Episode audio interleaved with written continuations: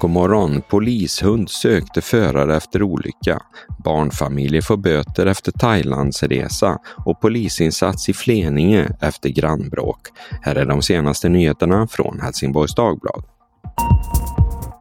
Igår kväll larmades polis, ambulans och räddningstjänst till en trafikolycka på E6 ungefär i höjd med Rausvägen utanför Helsingborg.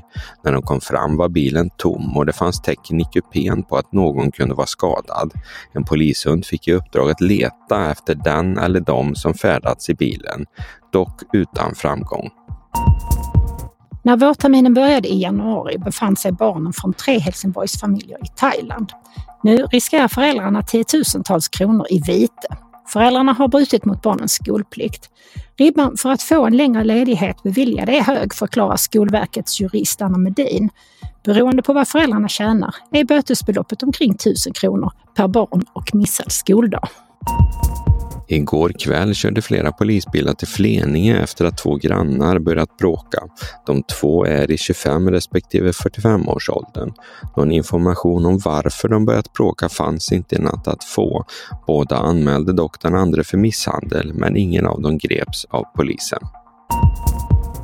De fem bostäderna i det gamla portvaktshuset på Spritan i Ödåkra får vara kvar. Helsingborgs stad hotade 2022 med kraftiga böter om de inte plockades bort. Byggnaden är enligt detaljplanen avsedd för industriverksamhet, menar stadsbyggnadsnämnden. Men nu har Mark och miljödomstolen avgjort byggstriden. Även om bostäderna skulle strida mot detaljplanerna så är det för sent att bestrida dem. Det får inte ha gått mer än tio år sedan de tillkom. Ägarens ritningar från 1921 visar att själva portvaktslägenheten har funnits sedan då. De övriga bostädernas ålder är okänd, men de fanns på plats när byggnaden köptes för 15 år sedan.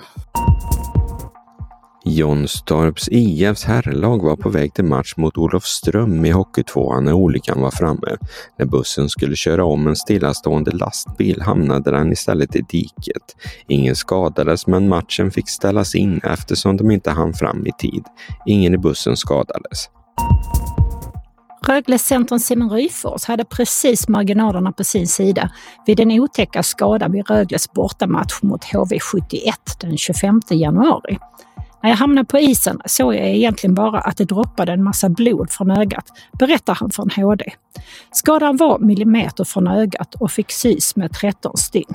Läs hela intervjun med Simon Ryfors på hd.se. Helsingborgs IFs tidigare ordförande och senare hedersordförande Ingvar Venhed har avlidit. Han började sin tid som ordförande för klubben 1988 och slutade efter SM-guldet 1999. Klubben skriver på sin hemsida Ingvars betydelse för vår förening är ovärderlig och vi kommer alltid att minnas honom med värme. I helgen spelar HIFs lag med sorgband. Vädret. Idag väntar en ganska solig och kylig dag. Under morgontimmarna ligger den västliga vinden på mellan 7 och 8 meter per sekund. Men det mojnar under eftermiddagen och kvällen till 2-3 meter per sekund. Det kommer vara blandad molnighet med ganska stora solchanser hela dagen och temperaturen ligger på mellan 1 och 3 grader.